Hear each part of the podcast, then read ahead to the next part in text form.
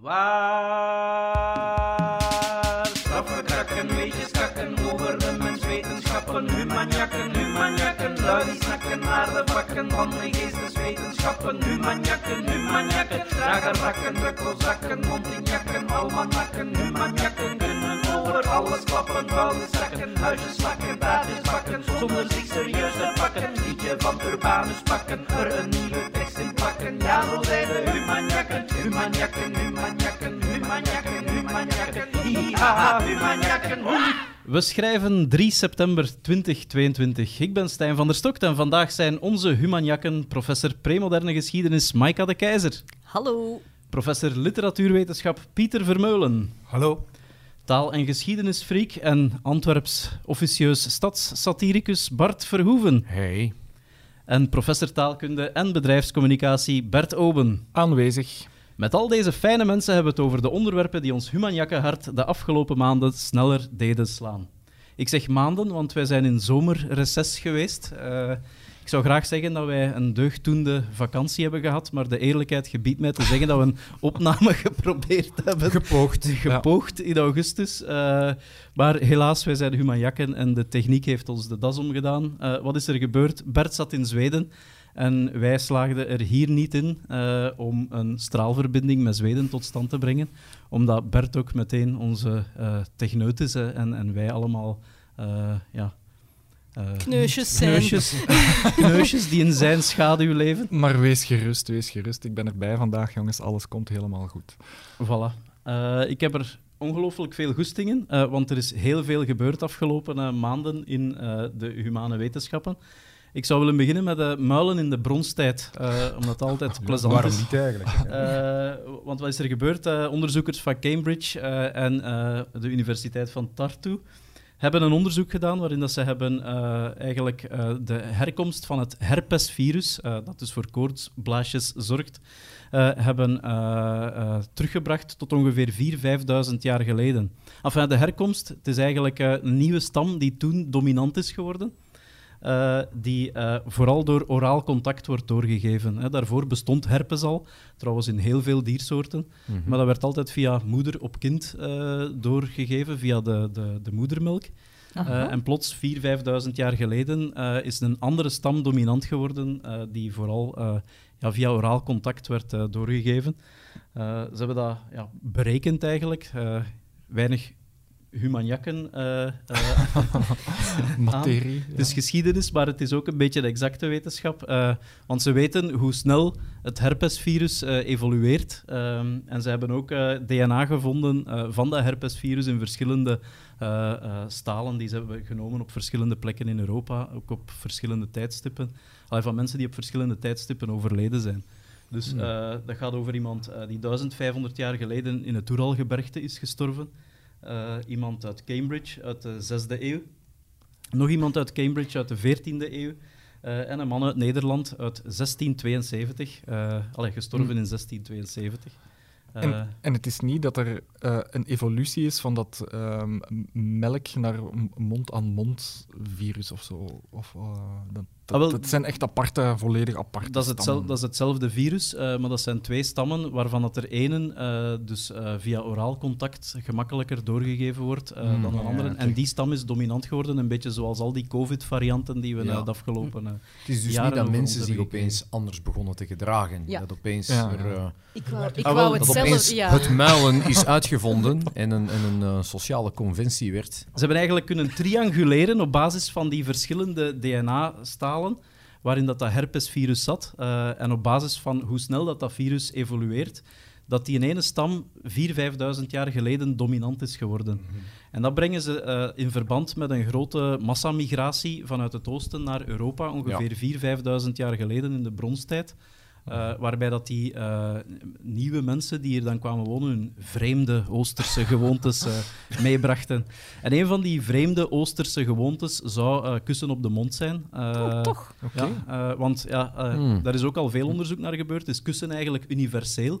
Eh, en daar zijn, Nee, dus. dat is niet universeel. Nee, we, we, we nemen dat aan omdat we overal mensen zien kussen enzovoort, maar dat is zeker Ja. niet universeel. Dat is een, eh, een culturele eh, gewoonte. Een nieuwe trend Een uit de nieuwe trend. bronstijd. Ja, Ja. Voilà. Ehm, De bronstige tijd. De bronstige tijd. Ja. Ehm, wij muilen en wij hebben ook onze koortsblaasjes te danken aan eh, indringers uit het oosten. eh.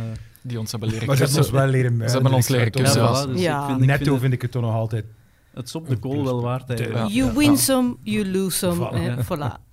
Maar het is wel super dominant geworden, want twee derde van de wereldbevolking heeft nu herpes. eh, heb ik Oké. bijgeleerd ook uit Ah, dat artikel. En dat is minder. behoorlijk veel. Ja. wil zeggen dat iemand van ons hier aan Ja, tafel... Dan eh, is het wel ook te laat om nog iets aan, onze, aan ons gedrag te doen, Ja. denk Ja. ik dan wel. Hè. We, kunnen We ook- moeten het eigenlijk net een tandje bijzetten, zodat iedereen kan Ja. meedoen. Ja, voilà. Ah, wel, we moeten hier straks na de opnames eh elkaar allemaal doormailen. goed binnen doen, denk ik. En dan hebben we het allemaal. En dan is het eh, universeel geworden. Ja. En Demis. Alright. Volgende onderwerp, Stijn. Eh, ja, misschien nog intiemer eh, Oh. dan, dan Oh. muilen in de bronstijd. Eh, Maar eh, de neus zou ook voor intiem contact zorgen tussen vrienden. Meer bepaald, allee, er is een studie geweest, als ik, als ik het mij goed herinner, waarin dat gezegd werd dat vrienden elkaar uitkiezen op basis van een gelijkaardige geur eigenlijk. Dat klopt Ja. toch, hè Bert? Ja, dat is juist. Ehm, nu, geuren die hebben sowieso al wel ja, hun, hun functie in het sociaal gedrag. Eh, onder andere bij het kiezen van een partner of bij ja, in hele eenvoudige emoties, zoiets als walging. Als ik hier een vatsige scheet laat, ja, dan heeft dat zo onmiddellijk zijn effect. Maar de vraag is of dat ook subtielere effecten heeft. Ja, of vriendschap, wat een, ja, iets wat complexere aangelegenheid is dan bijvoorbeeld walging of Mm. ehm, seksuele aantrekkelijkheid. Dat is ook eenvoudiger dan vriendschap. Of geur daar ook een rol in speelt.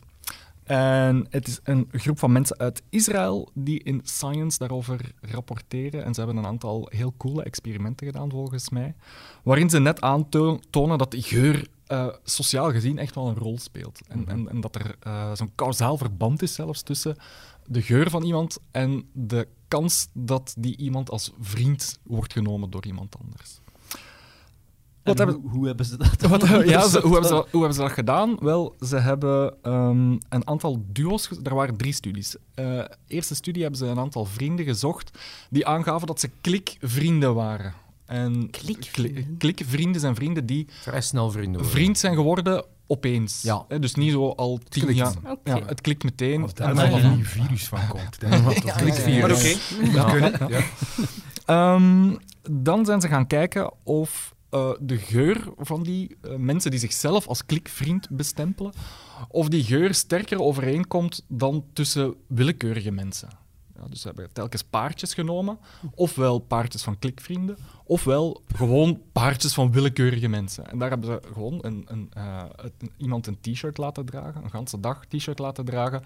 En dan met een elektronische neus, dus die een aantal componenten eruit pikt en een aantal, zijn er een aantal moleculen aanwezig of niet. Mhm.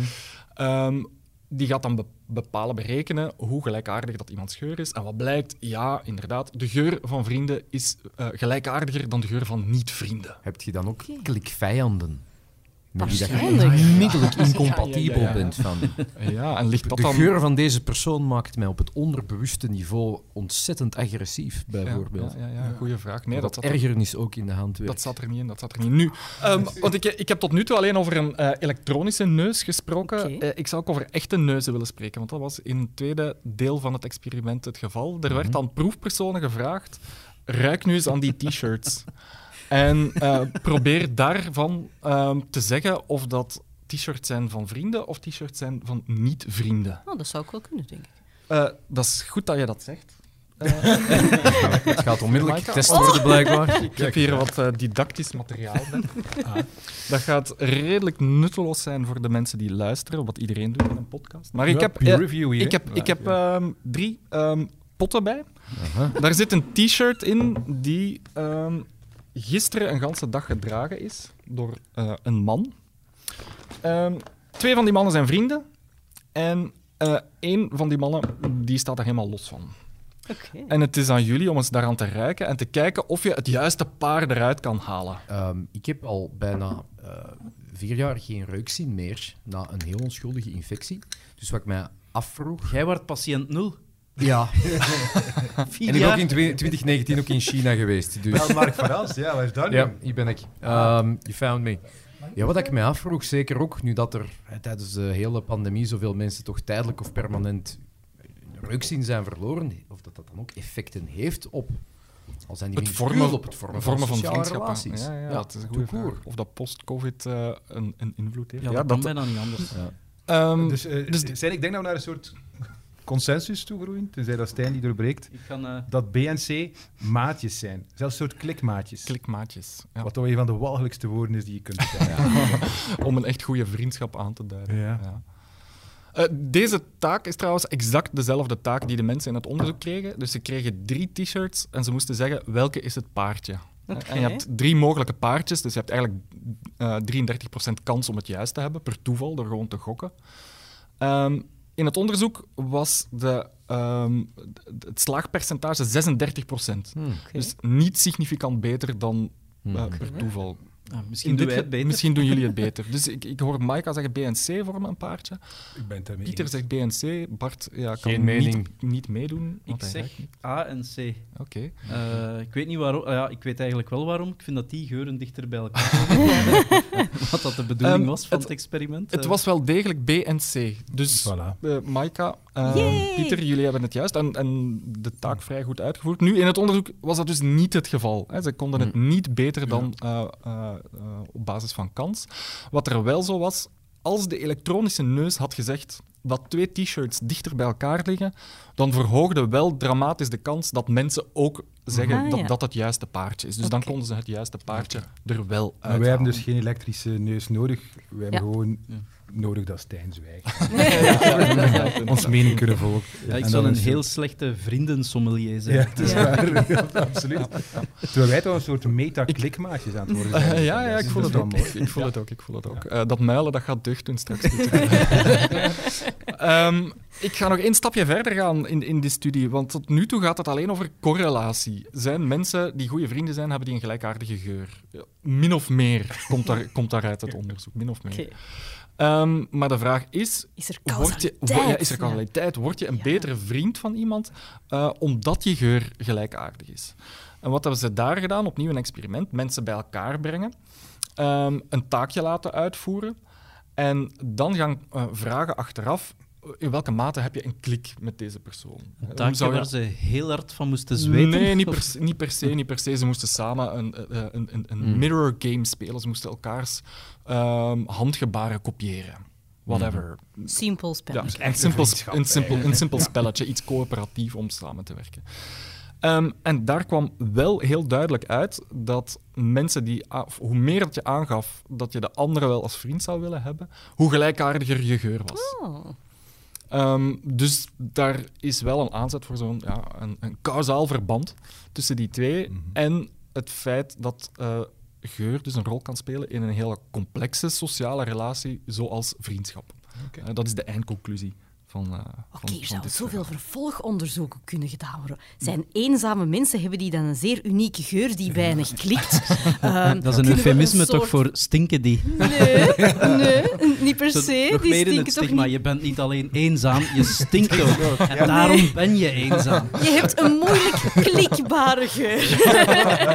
Hoe eenzamer je wordt, hoe harder je zal stinken. Ah, ja, dat is zichzelf versterkend. Ja. Ja, want is het per se dat mensen die goed ruiken dan Nee, wel Je gemakkelijk kunt ook gezellig samen stinken. Voilà, Ja, ja, je kan- Zolang dat je maar een Compatibel klikmaatje hebt. Je ruikt Ja. te lekker. En de Ja. mensen zijn jaloers. Oké, maar het het is weer zo'n soort wetenschappelijk onderzoek dat je liever niet had leren kennen, maar we weten het nu. Ja, we Oh, kiezen jawel. onze vrienden op basis van hun eh, gelijkaardige geur. Niet goede geur, maar gelijkaardige Mooi zo. geur. Ik snuffel vanaf nu gewoon op straat naar mijn toekomstige vrienden.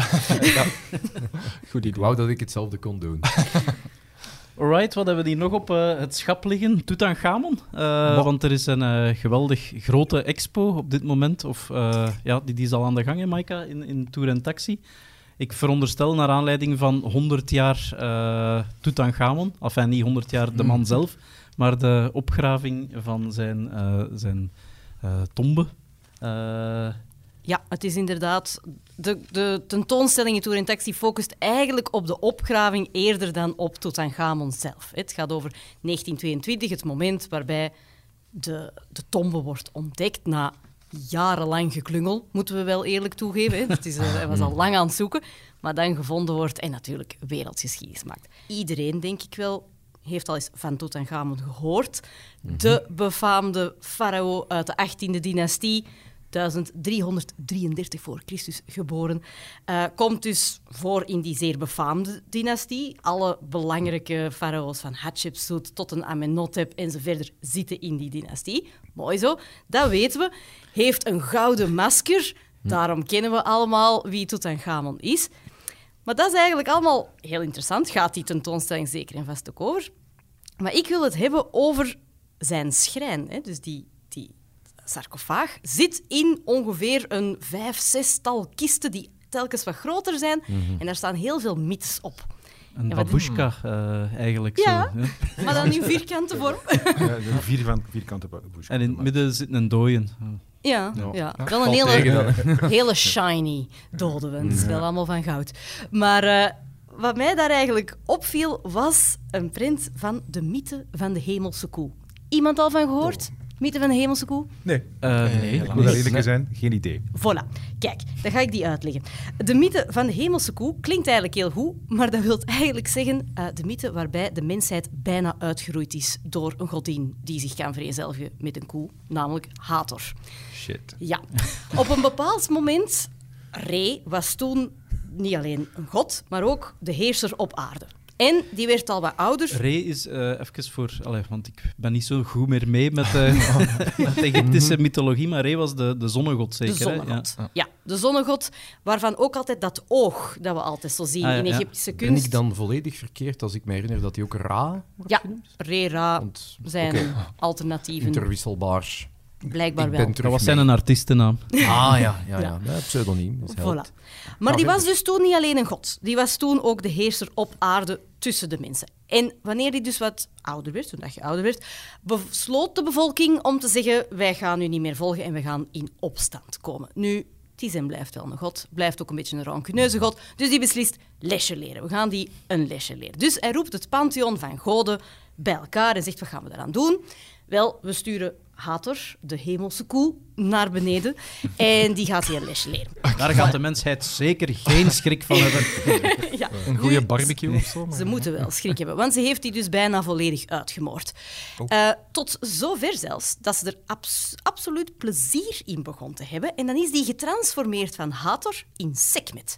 En Sekhmet is de leeuwin-godin die dus graag eh, wilt waden in menselijk bloed. Ah, ja. Ja, Ik dat heb, is... We hebben allemaal wel zo van die dagen, denk ik. Voilà, ja.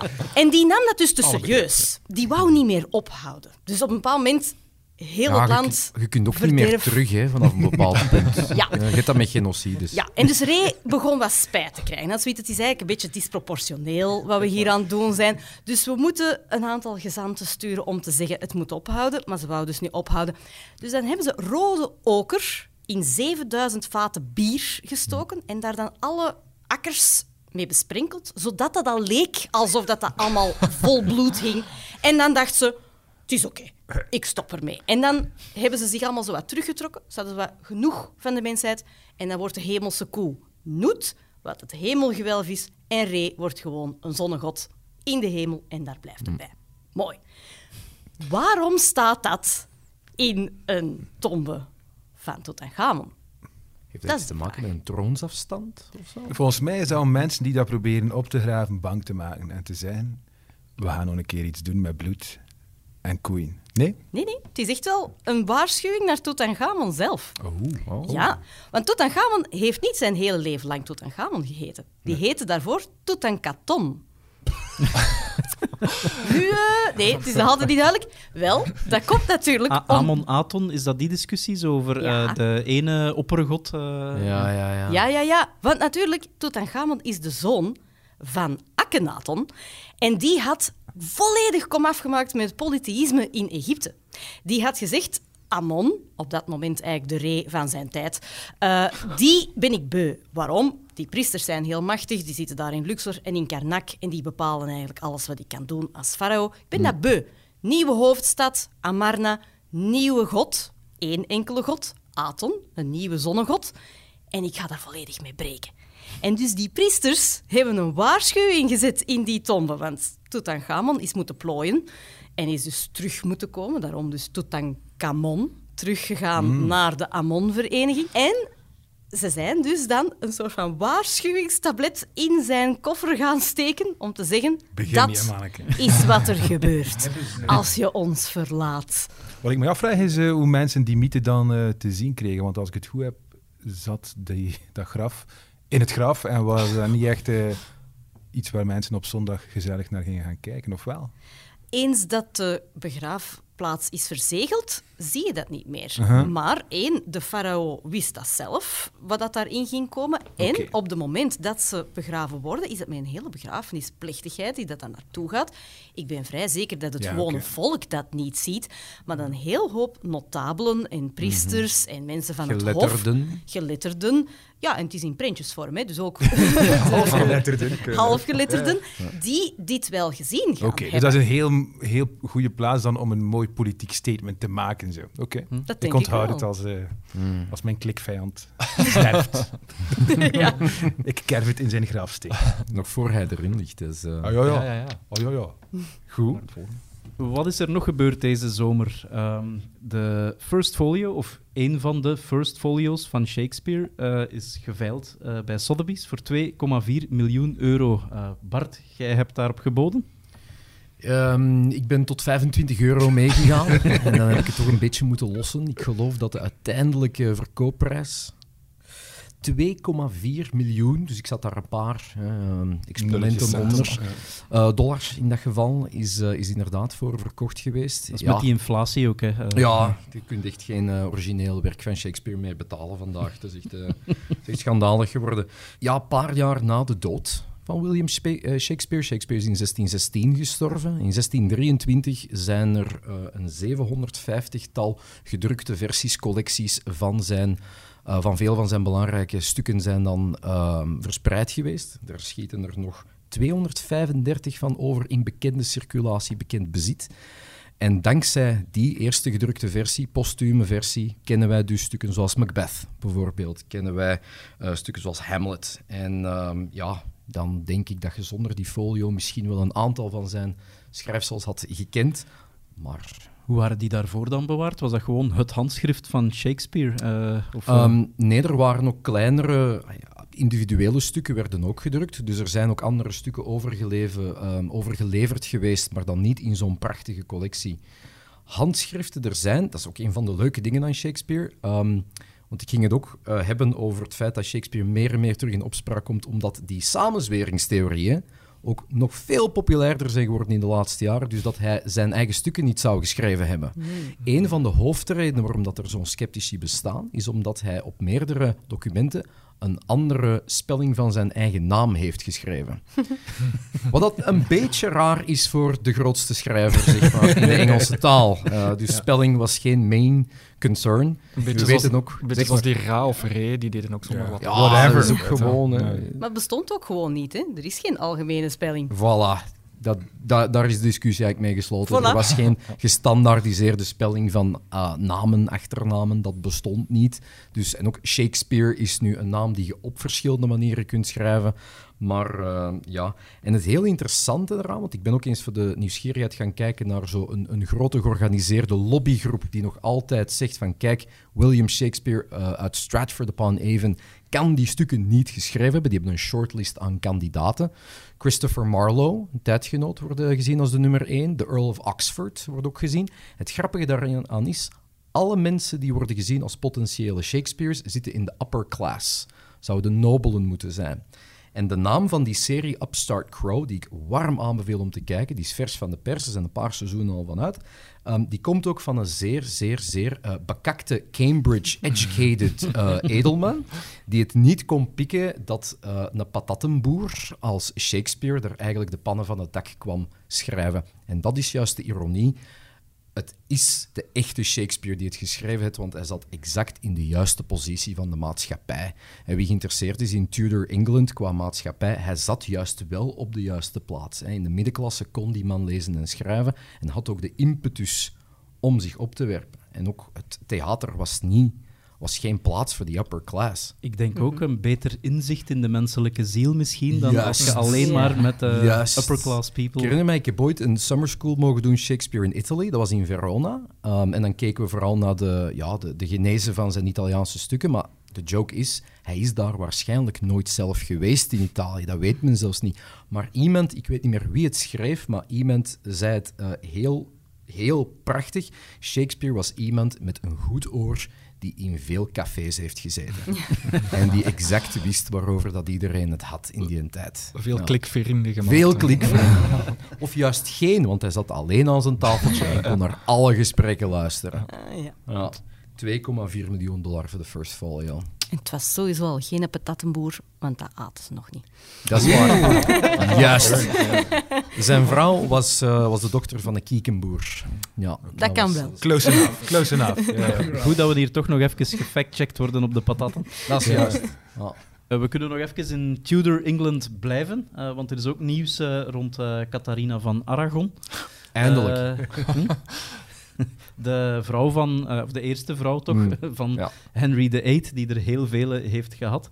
Eh, die zou haar hofschilder, Hans Holbein, eh, dat is een Duitser, Mhm. een verborgen boodschap hebben laten schilderen in een portret van haar man. Eh, dus Henry de- VIII. Wie doet er nu En die, zou, die verborgen boodschap zou nu ontcijferd geweest zijn door een historica uit Harvard, eh Maika. Ja, inderdaad. Vanessa Braganza heeft eh, er een spel van gemaakt om heel veel van die geheime boodschappen te gaan eh, ontleden. Hè. Dus dat gaat over van die monogrammen die je op allerlei mogelijke zaken kunt aanbrengen, maar meestal op juwelen. Een mo- monogram, Ja, wat is dat een is monogram? een... eh, Ja, een monogram, dat, dat is dus met letters en initialen die je dan op heel Mhm. verschillende manieren kan gaan verweven ehm, in ja, een soort van mooi kunstwerkje, laten we het zo maar zeggen. En dat kan je dan op je kledij, op je juwelen, op eh Ja. juwelenkistjes, etc. Een soort van logo. Een logo, ja, maar het is eigenlijk een woordspelletje. Wordle wordt gebruikt als een soort van... eh, Dan kan je aan de hand van die initialen gaan proberen te ontdekken wat er nu eigenlijk eh, wordt gedaan. En dus die Holbein is niet alleen de hofschilder, maar die ontwierp ook de juwelen waarmee je dan werd geschilderd. dus eh, dat is eigenlijk het, eh, het leuke daarvan. En het is dus het boek waar dat, het boek met juwelen, dat hij allemaal heeft ontworpen, daar zijn ze nu eens naar gaan kijken. En er was dus één juweel dat ontworpen is voor Catharina. En waarvan ze eigenlijk niet wisten, wat staat daar nu op? Die letters, dat verwijst naar iets. En dus de letters die daarop staan, ja, dat is een hele mix en match. Maar dat zou dan staan voor Henricus Rex en Catharina. En dan denk je, Mooi. so. Is toch een Ja. koppel, getrouwd. Wel, dat juweel, dat weten we dan dankzij dat boek, is gemaakt in 1532. En op dat moment was ze al met Anna Boleyn. Maar, Dus Oh. ze is eigenlijk al gedumpt. Ze zit eigenlijk al ja, een beetje zo opgesloten in een kasteel en Mhm. wordt eigenlijk al gezien als de gedumpte vrouw, die weliswaar weigert te scheiden, maar op dat moment definitely niet meer de vrouw, of toch niet meer de vrouw aan de zijde van Hendrik VIII is. dus? dus, eh, Ja, vandaar. Daar komen we dan. Zij doet dat natuurlijk met een doel. Zij heeft dat speciaal laten maken om haar claim als koningin te kunnen hardmaken. Want zij heeft wel een dochter.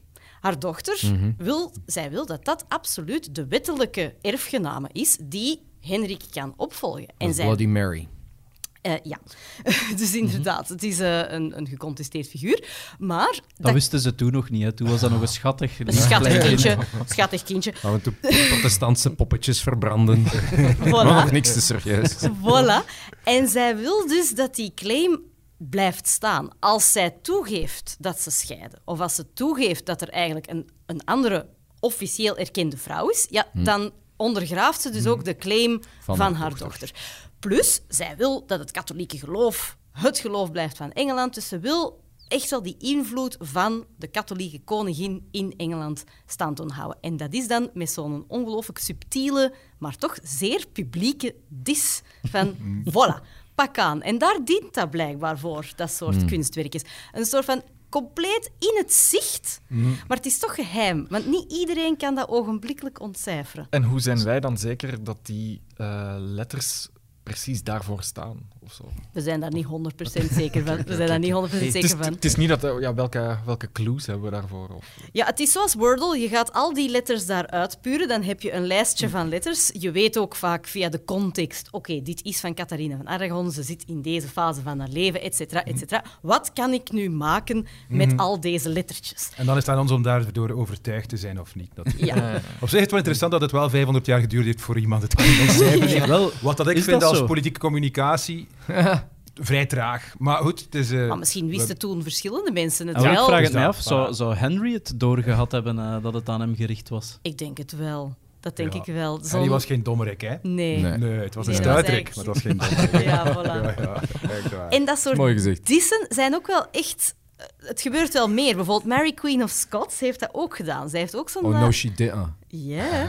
Eh, zij heeft er een laten maken met daarin de letters van Elizabeth en Mary. Wat op dat moment ook wel eh, heel gecontesteerd was, want die zat opgesloten, is daarna ook gewoon wel eh, onthoofd.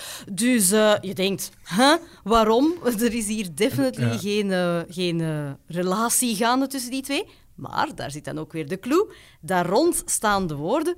The, the bonds of virtue are tighter than those of blood. En daar rond zit dan ook nog eens een, een, een hele bloemetjes met de Schotse distel die wordt geplet door die letters. Dis van distel, eigenlijk. Ja, Dan absoluut. snap ik het woord. Ja, waarbij ze dus dan heel duidelijk de boodschap wil geven van wij zijn bloed, wij zijn familie. En toch wil je dus jouw politieke principes en jouw eh, eer Awoord. sterker doen zijn en daardoor je de Schotse distel die ja. ik dan toch wil. Dus Mary had dan toch wel iets te veel vrije tijd, denk ik, terwijl dat ze Ja, in haar kasteel hè. op de dood zat te wachten. Maar goed, een subtiele dis, daar eh, haal je vast eh, Altijd mooi. nog wat voldoening uit Ja. voor je executie. Ja. ik begin er alvast over na te denken. Right, eh, geweldig nieuws voor eh, alle taal- en geschiedenis of eh, fantasy rond geschiedenis nerds alleszins. Want eh, Game of Thrones eh, heeft een prequel uit, ehm, House of the Dragon. En eh, ik wil het daar niet over hebben, eh, maar wel over een ehm, specifieke marketingcampagne, want we moeten het noemen gelijk als dat het is. Eh, Het is een marketingcampagne.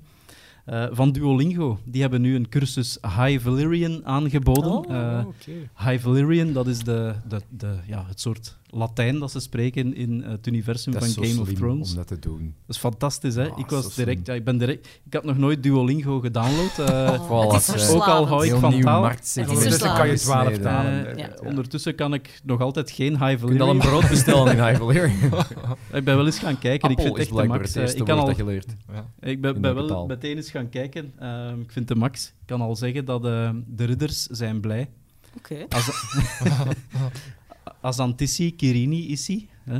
mooi Eh, zo. Verder kom ik tegenwoordig niet, maar ik zou tenminste al enigszins kunnen overleven. Oké, Eh, ja. Ridders blij maken in Game of Thrones is heel belangrijk. Ja.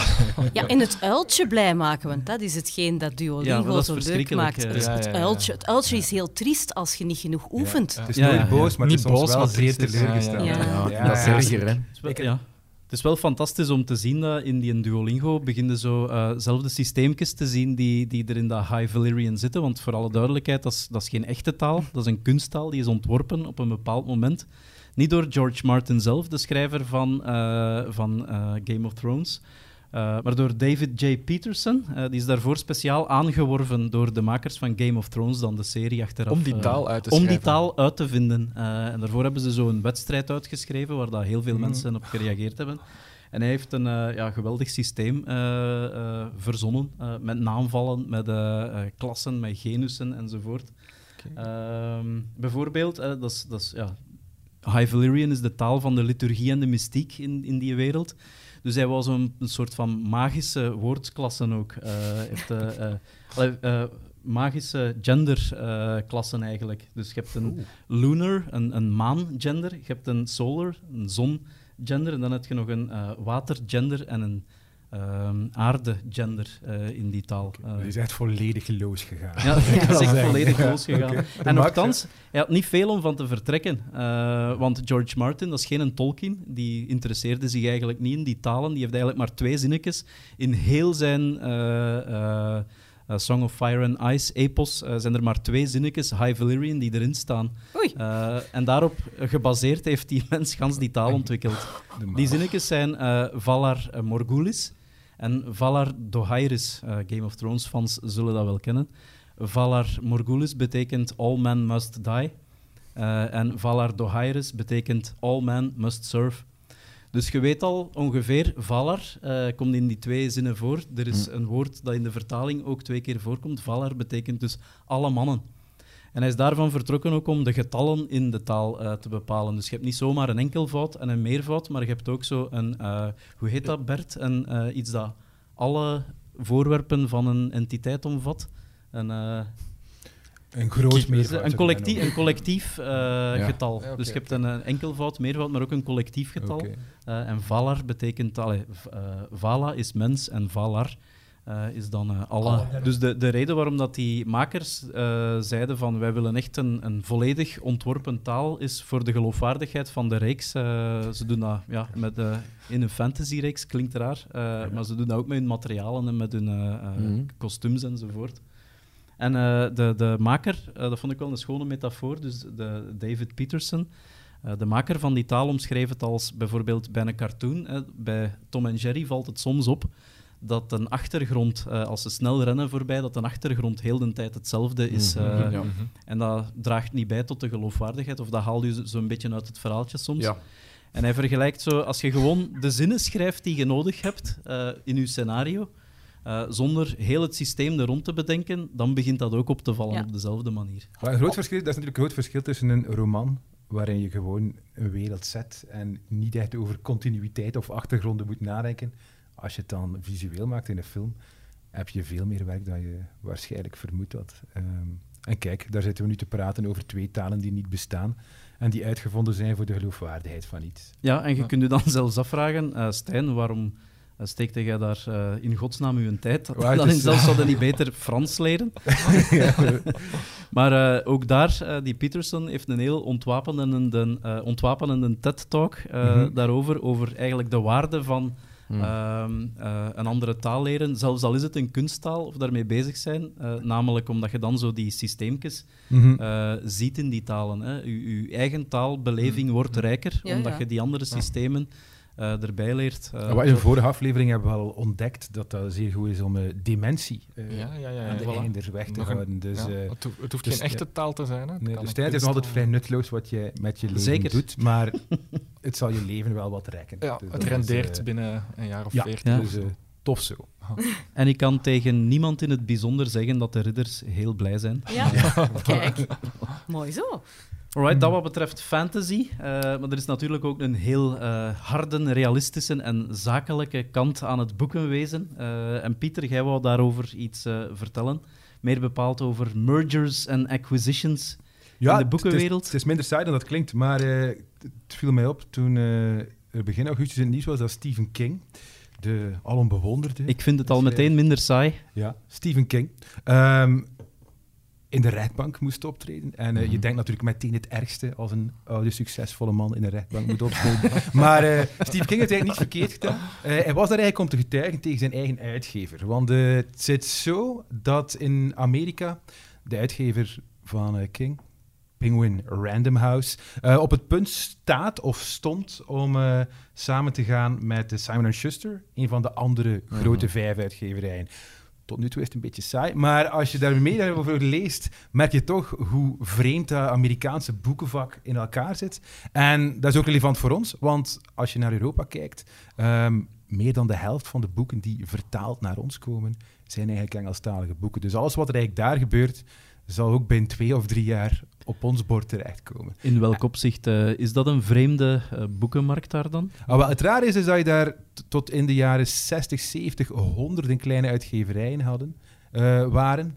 Dat sindsdien er nog weinig winst te maken valt aan boeken. En dat je altijd maar een grotere concentratie gezien hebt van steeds grotere uitgeverijen. Tot op het punt vandaag dat er nog vijf zijn die verantwoordelijk zijn voor 80% van de boeken die in de winkel komen. En voor nog een groter percentage van, de boeken, van het aantal boeken dat over de toonbank gaat. En nu zitten we dus op het punt dat twee van die vijf samen zouden gaan. Wat dat zou betekenen dat 50% van de succesboeken, van de boeken die überhaupt iets verkopen, zeg maar, eh, door één uitgeverij zouden eh, gebracht worden. En het punt dat Stephen King daar maakte, is dat dat, dat geen goed nieuws is voor schrijvers. Omdat dat voor schrijvers een onderhandelingsmacht veel minder eh, groot zou maken. Dat dat zou betekenen dat die veel minder zouden gaan verdienen voor de werken die ze schrijven. En dat dat gewoon een slechte zaak was. In eerste instantie voor de schrijvers.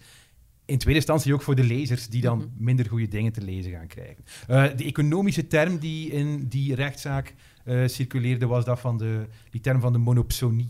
Een Mm. soort markt waarin eigenlijk er maar één koper is. Penguin Random House, met daaraan Simon Schuster, die als enige zou bieden op een boek. Ja. Ehm, En dus ook we als zien allemaal dat enigst- dat... Ook als enige kan beslissen wat goed is Ja. en publiceerbaar is. Niet alleen Ja, ja. qua Dus prijszetting, maar ook Ja. gewoon als zij het geen leuk verhaal vinden. Voilà. Ja, Komt dus die eigenlijk markt? volledige eenheidsworst zou beginnen gaan produceren en ook de macht heeft om in boekenwinkels eh, te gaan beslissen wat er überhaupt Mhm. zichtbaar is. En we weten allemaal dat wat er zichtbaar is ook is wat mensen kopen. Ehm, dat is zo'n beetje het verhaal zoals het zich ontspon. Wat het nog interessanter maakte voor mij was de, de reactie die die uitgevers zelf hè, ehm, daarop gaven, die CEO's van die grote uitgeverijen, waarmee ze, waarmee ze proberen te argumenteren dat het een goede zaak was voor de wereld in het algemeen Mm. en de schrijvers in het bijzonder, ehm, dat ze toch gewoon samen gaan werken. En het eerste argument dat ze uit de kast halen is natuurlijk Amazon. Waarin dat ze zeggen, alles wordt, de westerse beschaving wordt bedreigd door, bedreigd door Amazon en wij moeten samen sterk zijn. Het vervelende aan het argument is dat we uit interne correspondentie wel weten dat ze eigenlijk die merger vooral willen om vlotter met Amazon te kunnen Ja, ik samenwerken. wou net zeggen, Dus, dat ehm, komt nog altijd dan met Amazon Ja. naar 80% Ja. van de Amerikaanse Juist. consument. Juist, dus dat, dat, dat argument heeft het niet echt geweldig... You can't beat them, become them. Ja, dus dat is Ja. niet echt gelukt. Eh, een tweede argument dat ze bovenhaalden is dat ze zeggen, ja, wij, wij bestaan eigenlijk uit honderden verschillende imprints, hè, kleinere merkjes en winkeltjes binnen de uitgeverij. En die kunnen nog altijd tegen elkaar beginnen opbieden, waardoor schrijvers nog altijd ontzettend rijk gaan worden.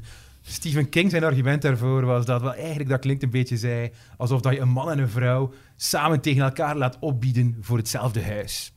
Waar dat die eigenlijk niet echt een incentive hebben om, om veel te blijven bieden. Dus Steven was, was wel in vorm Ja. eh, tijdens zijn getuigenis. Eh, een ander argument dat eh, de CEO's van Random House aanbrachten om te gaan ontkrachten dat het echt om een sinister marketplot ging, eh, was door te gaan zeggen dat het niet voor niets was dat ze Random House heten. En om te gaan zeggen dat, wel, de boekenmarkt is gewoon random. Je kan eigenlijk niet zoiets doen als een bestseller gaan op voorhand vastleggen. Je moet eigenlijk gewoon een beetje geluk hebben. Wij zijn eigenlijk gewoon een bende amateurs en helemaal niet het gevaarlijke conglomeraat dat uw kinderen komt opeten. Ehm, wij zijn gewoon amateurs die gewoon een beetje ons best doen. Random Om- luck hebben gehad. Dat is ook altijd... Ja. Ja, dus hem eigenlijk hebben ze zichzelf zo'n beetje daar proberen te verkopen als goed bedoelde amateurs die als taak hebben om de droom van verhaalvertellers naar lezers Ja. te brengen. Helaas bleek uiteraard, zoals ik net al zei, uit de interne communicatie die ze ook moesten op tafel leggen, dat de realiteit veel cynischer is. Ehm, welke uitspraak of zo zit daar nu aan Dus de, de, de, de pleidooien zijn eh, twee weken geleden gestopt. In de herfst zal er een uitspraak zijn. Eh, het, het interessante politiek is dat ze die merger gefabriceerd hebben op het moment dat Trump nog president was. En ze eigenlijk beseften, er is hier toch niet zoiets als een rechtsstaat die ons zal tegenhouden. Ehm, er is hier niemand geïnteresseerd in kapitalisten die nog kapitalistischer worden. Hmm. Ze hebben nu de pijk dat Trump eh, de verkiezingen... Zoveel zal Trump ook niet met de boekensector bezig geweest Nee, zijn. dus, maar hij zou, wel, het wordt wel gezien, dit, eh, deze rechtszaak, als de uitspraak zou zijn dat het echt wel belangrijk is om diversiteit van kanalen te hebben, is er wel de idee dat bijvoorbeeld Big Tech, de Facebooks en zo, Ja. en de meta's van deze wereld, dat dat wel eens de volgende zouden kunnen zijn. zijn. Dan Ja. brengt ons terug naar een tijd van Microsoft en ehm, Ja. monopolie-achtige toestanden. Dus er zijn wel van de grootste bedrijven in die Amerika... kijken wel mee, hè? die kijken wel mee. Ja, ja want Ja. eh, het zou belangrijk zijn. Belangrijke vraag daarbij is, wie heeft die eh, rechtszaak De aangespannen? overheid zelf. De overheid dus het is zelf. Eh, een of ander ministerie dat, verantwoordelijk is ja. om te zorgen dat monopolies en monopsonies eh, ehm, niet kunnen niet ontstaan. kunnen bestaan, die dat eigenlijk in gang gezet heeft. Dus eh, Stephen King getuigde dus eigenlijk voor de Amerikaanse overheid. En heeft dat dus blijkbaar goed gedaan. Alright. Ehm, iets helemaal anders dan. Muziek en dieren, eh, twee van onze favoriete onderwerpen. Eh, en Bert, jij hebt een eh, studie gelezen die de twee samenbrengt: muziek en dieren. Ja, die wil kijken of het kan helpen om muziek te gebruiken voor het gemak, het comfort bij dieren. Dieren die naar de dierenarts moeten. Dat dat een stresserende aangelegenheid is, Zeker. eh, zijn die onderzoekers gaan kijken, ja, kunnen we nu muziek gaan gebruiken om die dieren wat meer op hun gemak te stellen. Oké, ik hoop van wel, want mijn katten stellen zich altijd extreem aan. Eh, er is wel een verschil tussen eh, honden en katten trouwens. Voilà. Dat is te denken. En eh, het, het, het onderzoek is vooral met honden gevoerd. Damn. Uiteraard. want geen enkele kat wil eraan meedoen. Ja, natuurlijk. inderdaad, inderdaad. Oké, dus die tamme Ehm, honden hebben het dus wel ja, er, er, er zijn al wel wat manieren om eh, dieren te kalmeren. ehm, om, om ze naar de dierenarts te gaan. De, de, de auteurs lijsten onder andere op om het dier hongerig mee te nemen naar de dierenarts. Zodanig dat als die dierenarts dan een beloning wil geven, ehm, ja, dat dat effect heeft. Dat hij niet al een volle maag heeft en geen zin meer heeft in dat snoepje of zo. Zodanig dat hij het snoepje aanneemt en daardoor rustiger wordt. Mijn katten zijn altijd hongerig. Voilà, dat is al, dat is Hm. al goed. Check. Ehm, donkere, donkere interieurs en kledij was ook een van de tips die erin stonden. Want omdat dieren meestal goed kunnen zien in ehm, het donker, wil dat zeggen dat licht voor hen echt wel heel, heel Agressief licht is. Dus die, eh, witte jas. ja, van witte een jas van de dierenarts is eigenlijk echt een, een, eh, wat- was het? Een, een verlichte kerstboom, eh, stond er in het artikel. Ook de omgeving, zo klinisch wit, Oh. lijkt proper te zijn of zo, maar kan dus heel intimiderend zijn voor die Maar goed, eh, voor, die, voor die dieren, maar goed. Ehm, er is al wel wat bewijs dat muziek dieren rustiger kan maken, maar dat is er voor dieren die in een asiel zitten. Ehm, en dat is Het hangt er waarschijnlijk vanaf welke muziek eh, ook. eh. Heel juist. En dan komt een, ja, de no shit Sherlock eh, boven. Want klassieke muziek werkt beter dan heavy metal. Oh nee, nu gaan, we, zo- nu ja. gaan we Niels een excuus geven om Clara op te zetten dan. Ehm, maar, en daar is een verschil tussen honden en katten. Wat er nog beter werkt bij honden is iets, als, is dit, nee, is iets als dit. Een menselijke stem. Ah, ja. Die onnozele sloebers vinden mensen zo leuk. Podcast. Ja, we moeten de humanjakken meenemen Ja, naar ja, de we moeten Ja. Humanjaka eh, laten horen in, in het asiel of Ja. bij de dierenarts. Dus een menselijke stem, dat kalmeert eh, een hond, maar niet een kat. Voor Een Ah. kat heeft dat geen effect. Eh, wat er voor katten ook beter werkt, is eh uptempo en eh, wat hogere muziek. Het Dus is ook wat drum and bass, hè? Ah, ja, ja, ja, dat zou goed werken met heel, hoge bliepjes en zo. Ehm, omdat katten zelf een hoger register hebben als ze spreken, zou dat ertoe leiden dat ze muziek in een hogere toonhoogte Ah, ja. leuker vinden. Ehm, maar goed, dat gaat over dieren in een asiel en niet over dieren bij de dierenarts, wat ik tot nu toe allemaal verteld heb. En deze studie wil kijken, kunnen we nu gezonde dieren, die, eh, nee, zieke dieren liever, die naar de dierenarts gaan, kunnen we die helpen door muziek te spelen? En een van de ehm, redenen waardoor ze denken dat het zou kunnen werken, heeft met hartritme te maken. Dus als we muziek spelen, kunnen we het hartritme van het dier verlagen, waardoor dat het minder stress heeft. Dus wat hebben ze gedaan? Ehm, Ja, dat is toch zo'n theorie van bij eh, de mens ook, dat er zo eh, 120 bpm, dat ons dat opzweept, omdat ons hart in rust ongeveer 60 is. Dus elk veelvoud van 60 Hm. eh, werkt heel goed op ons in. Vandaar dat de meeste popmuziek zo rond de 120 eh, beats per minute zit. En drum and bass effectief op 180 beats per minute. eh. Is dat wetenschap of is dat New Age? Dat, of is Eh. het, dat is echt zo. Eh, ik heb dat ergens gelezen, dus dan is het vast wel waar. Dan is dat- dan is dat wetenschap. Ja. ja. Goed, dus we, we gaan ons beesten nu ook aandoen. We zoeken Ja. het uit tegen volgende week. eh, Ja. Of Maar we volgende zoeken dan liever. iets met 30 beats per minute. eerder Zo, dan één jaar. Dat is wat we nodig dan- hebben. Ja. Ehm, dus wat Eerder dan Tiesto. gibbies. Voor als, je, Ja. voor als je je luiaard meeneemt naar eh, de dierenarts. We moeten die- walvisgeluiden opzetten, om die nog rustiger te maken. Ja. Ehm, hier hebben ze gewerkt met honden. 38 honden in een eh, zogeheten within subjects design. Dus dat wil zeggen dat iedere hond zowel in de conditie met als de conditie zonder muziek heeft gezeten. Dus ehm, ze nemen een hond mee naar een dierenarts. Tijdens het wachten in de wachtruimte en tijdens de consultatie is er ofwel wel muziek te horen ofwel geen muziek te horen. En de muziek is een, ehm, speciaal gecomponeerd voor het onderzoek. Het is een solo harp. Ehm, die dus rustgevende, eh, Ja. ehm, eh, rustgevende, sussende muziek moet brengen. En het tempo wordt aangepast aan de grootte van de hond.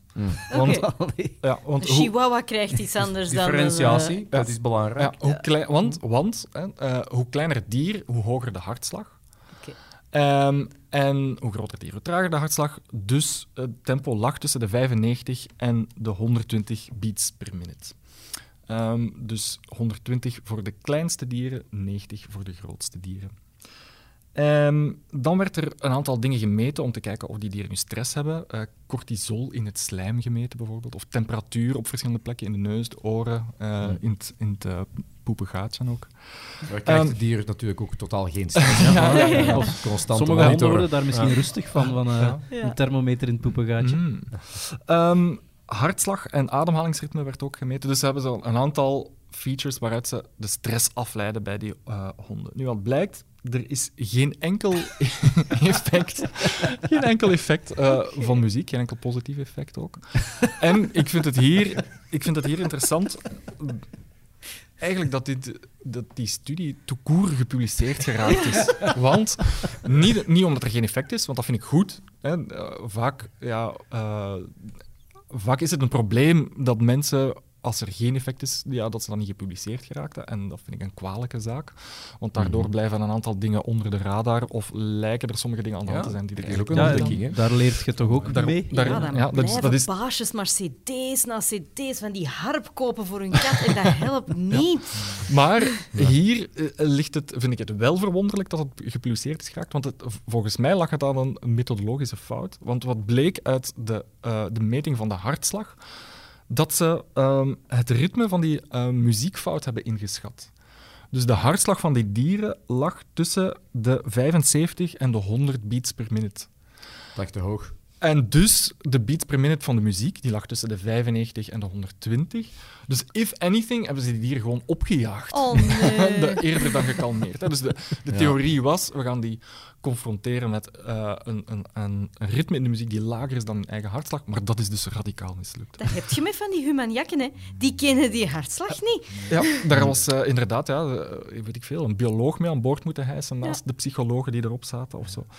Ehm, dus ja, de, de conclusie voorlopig is, ja, ehm, ofwel ehm, werkt muziek helemaal niet voor honden om die te laten eh, kalmeren, ofwel heeft dat helemaal niks met hartslag te maken, Eh, maar vooral is de conclusie, ja, doe dit nog eens Zet opnieuw. het juist. maar maar eh, Doe het gewoon thuis zonder een onderzoek aan te koppelen. ja, of, of draai de, de, de beats per minute naar beneden en doe het nog eens opnieuw. Ah. Ja. Oké. Oké. En misschien moeten we nu toch even erin gooien dat, dat zo de manier waarop dingen getest worden ook wel belangrijk is. Want de luisteraar mag toch ook wel weten dat we eigenlijk bij ons mislukte eh, opname van augustus eh, van plan waren om een, om een mooi artikel te brengen dat eh, gepubliceerd was in april al, maar dat ondertussen teruggetrokken is. Het was een artikel dat nogal wat stof heeft doen opwaaien, omdat het ging over het gebruik van masturbatie als etnografische methode in het bestuderen van bepaalde Japanse subculturen. En, het ging, eh, en ik wil toch even Dus- vermelden, omdat het... Ma- masturbatie als onderzoekstechniek. Ja. Ja. Ehm, dus het, het was gepubliceerd door een, eh, een Duitse wetenschapper. Eh, Carl verbaast me niks. Mij op een of andere manier ook niet. En die had een artikel gepubliceerd gekregen waarin hij uitlegde dat om bepaalde subculturen, licht pedofiele subculturen, waarin masturbatie een belangrijke rol speelt, om die goed te kunnen bestuderen, is het belangrijker dat je als wetenschapper ook meteen in Zelf zelf begint te masturberen. participatief gaat masturberen. Mm. Ehm, nou, het goede nieuws voor de wetenschap is dat dat heel eventjes gepubliceerd is, maar ondertussen eh, op basis van ethische en methodologische problemen toch niet langer googlebaar is. Ehm, en dat is ook de reden waarom we hier niks over vertellen. Voilà. Maar toch, bij deze. Opgeruimd, staat netjes. Ja, teruggetrokken, inderdaad, mooi zo. Ja. Oké, dat betekent dat we eigenlijk enkel nog het aptoniem van de maand moeten leuk. verkiezen. Oh. Ehm, ik heb er weer een aantal gevonden. Ik denk dat ik heb eh, Bert er ook een zien delen. En wie bevriend is met mij op Facebook heeft er vast ook een gezien. Eh, ik zal met die beginnen. Het is een transportfirma waar ik achter reed op de E40. Eh, en die, eh, ja, de, de eigenaars van die transportfirma hadden een heel toepasselijke naam. Karvrachts. Otto. Nee, eh, duidelijk niet bevriend met mij op Facebook. eh, Jawel, maar niet dat- te zien. Soms wel, maar... gewoon, ik word uit het algoritme geduwd. Daar heb je geen vrije wil over, Stijn. Is er een tip? Eh, ja, het, het, eh, Wagenmakers? Mm. het beschrijft eigenlijk gewoon hetgeen dat ze doen. Eh, namelijk eh, De- leveren. Vervoer? Vervoer is een zou een mooie naam zijn, maar ik weet Mm. het niet. Leveren. In welke taal, als we dat mogen? Nederlands? Nederlands. Rijden. Nee, de, de Leverink. Levering. We Met hebben CK. Ah, Ah, Bert, transportfirma Levering. Eh, Vond ik een heel mooi. Wauw. dat is een goeie. Ja, dat is een is goeie. Ja. een hele goeie al om mee te beginnen. Eh, dan nog een gelezen op eh, Vice.com. eh, over een artikel over een begrafenisondernemer. Die Hmm. mensen worden ook wel eens doodgraver genoemd. Eh, dus de familienaam van de eh, begrafenisondernemer. Dead Digger. Eh, nee, het is een eh, Nederlandse eh, doodgraver. Oké. Eh, het, het slaat eigenlijk vooral op het materiaal dat hij daarvoor nodig Een heeft. schop. We komen in de buurt. Ja. Schopmans? Schoppen. Spade. Spade, punten voor Maaike. Mooi. Dus eh, Mooi, ja. spade. Dat is eh, een heel Ook mooi. echt een goeie, ja. Dan eh een voor de voetballiefhebbers. eh, misschien weinig aanwezig hier eh, aan een Oh, Humanjakkentafel. dat valt of, nog mee. Dat valt nog mee. Bijgelegenheid. Ehm, een voetballer in de manschaft, eh, Kevin, en zijn achternaam is heel toepasselijk als je voetbalt. Bal? Eh, dat zou nog toepasselijker zijn, maar het is bijna Shows. even toepasselijk. Eh, het, het slaat Show, op, zoiets met eh, schießen. Goal? het, Voor. het slaat op eh, eh, hetgeen ze moeten doen om de bal in de goal te krijgen. Shot. ja, Schot? Shot? eh, stamp? ehm, We zoeken Ah. een synoniem. Trap. Kevin Trap. Ja. Punten voor Bert. Mooi. Ja. Hij is wel een stevige competitie deze maand. Ja. ja, het is niet De makkelijk. voetballer Kevin Trapp. Eh, ook in de sport alweer, want sportzomer. hè, eh, een renner die meedeed aan de Tour eh, voor Total Energies. Dat heeft er niks mee te maken, dat is gewoon de ploeg waar hij in zat. Maar hij de- deed dus mee aan de Tour, want het is een renner. Zijn achternaam is, het is een Fransman. Coureur? Velo. Ehm, Hè, het is gelijk Geert Omloop in der tijd hadden we ook. eh Tournee. De France. du Tour? Del Tour? Latour, ik, La- ik keur het goed, Bert. Mooi. Pierre Latour eh, deed mee aan de. Tour. Ja, Ja. Oké. oké. Dan nog eh, een heel fijne, eh, misschien zelfs mijn persoonlijke favoriet eh, uit Nederland. Het land van de toepasselijke familie. Ja, ja, ja. Paradijs. Een familie die eh, acht kinderen heeft. eh, en ze hebben de een prachtige toepasselijke familienaam. Octopus. Eh, had ook mooi geweest, maar eh, Groot gezien. ja, als, als er een familie groot gezin bestaat, dan zeker in Nederland. Ja. Maar eh, we zoeken nog iets anders. Het gaat eigenlijk over eh, iets wat dat ze nu sinds die acht kinderen niet meer hebben. ja. Privacy. Tijd? Ja, ja. eh. Vrije tijd. Levenslust? Geld. Slaap. komen hier ook persoonlijke frustraties naar boven. Eh, nee, ik denk dat het moeilijk geraden gaat worden.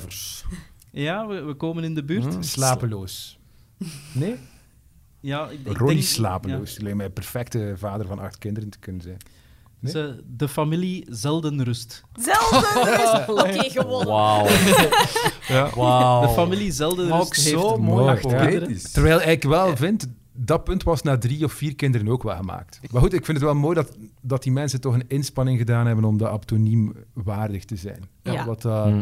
Leverink geeft toe, het is een beetje lui.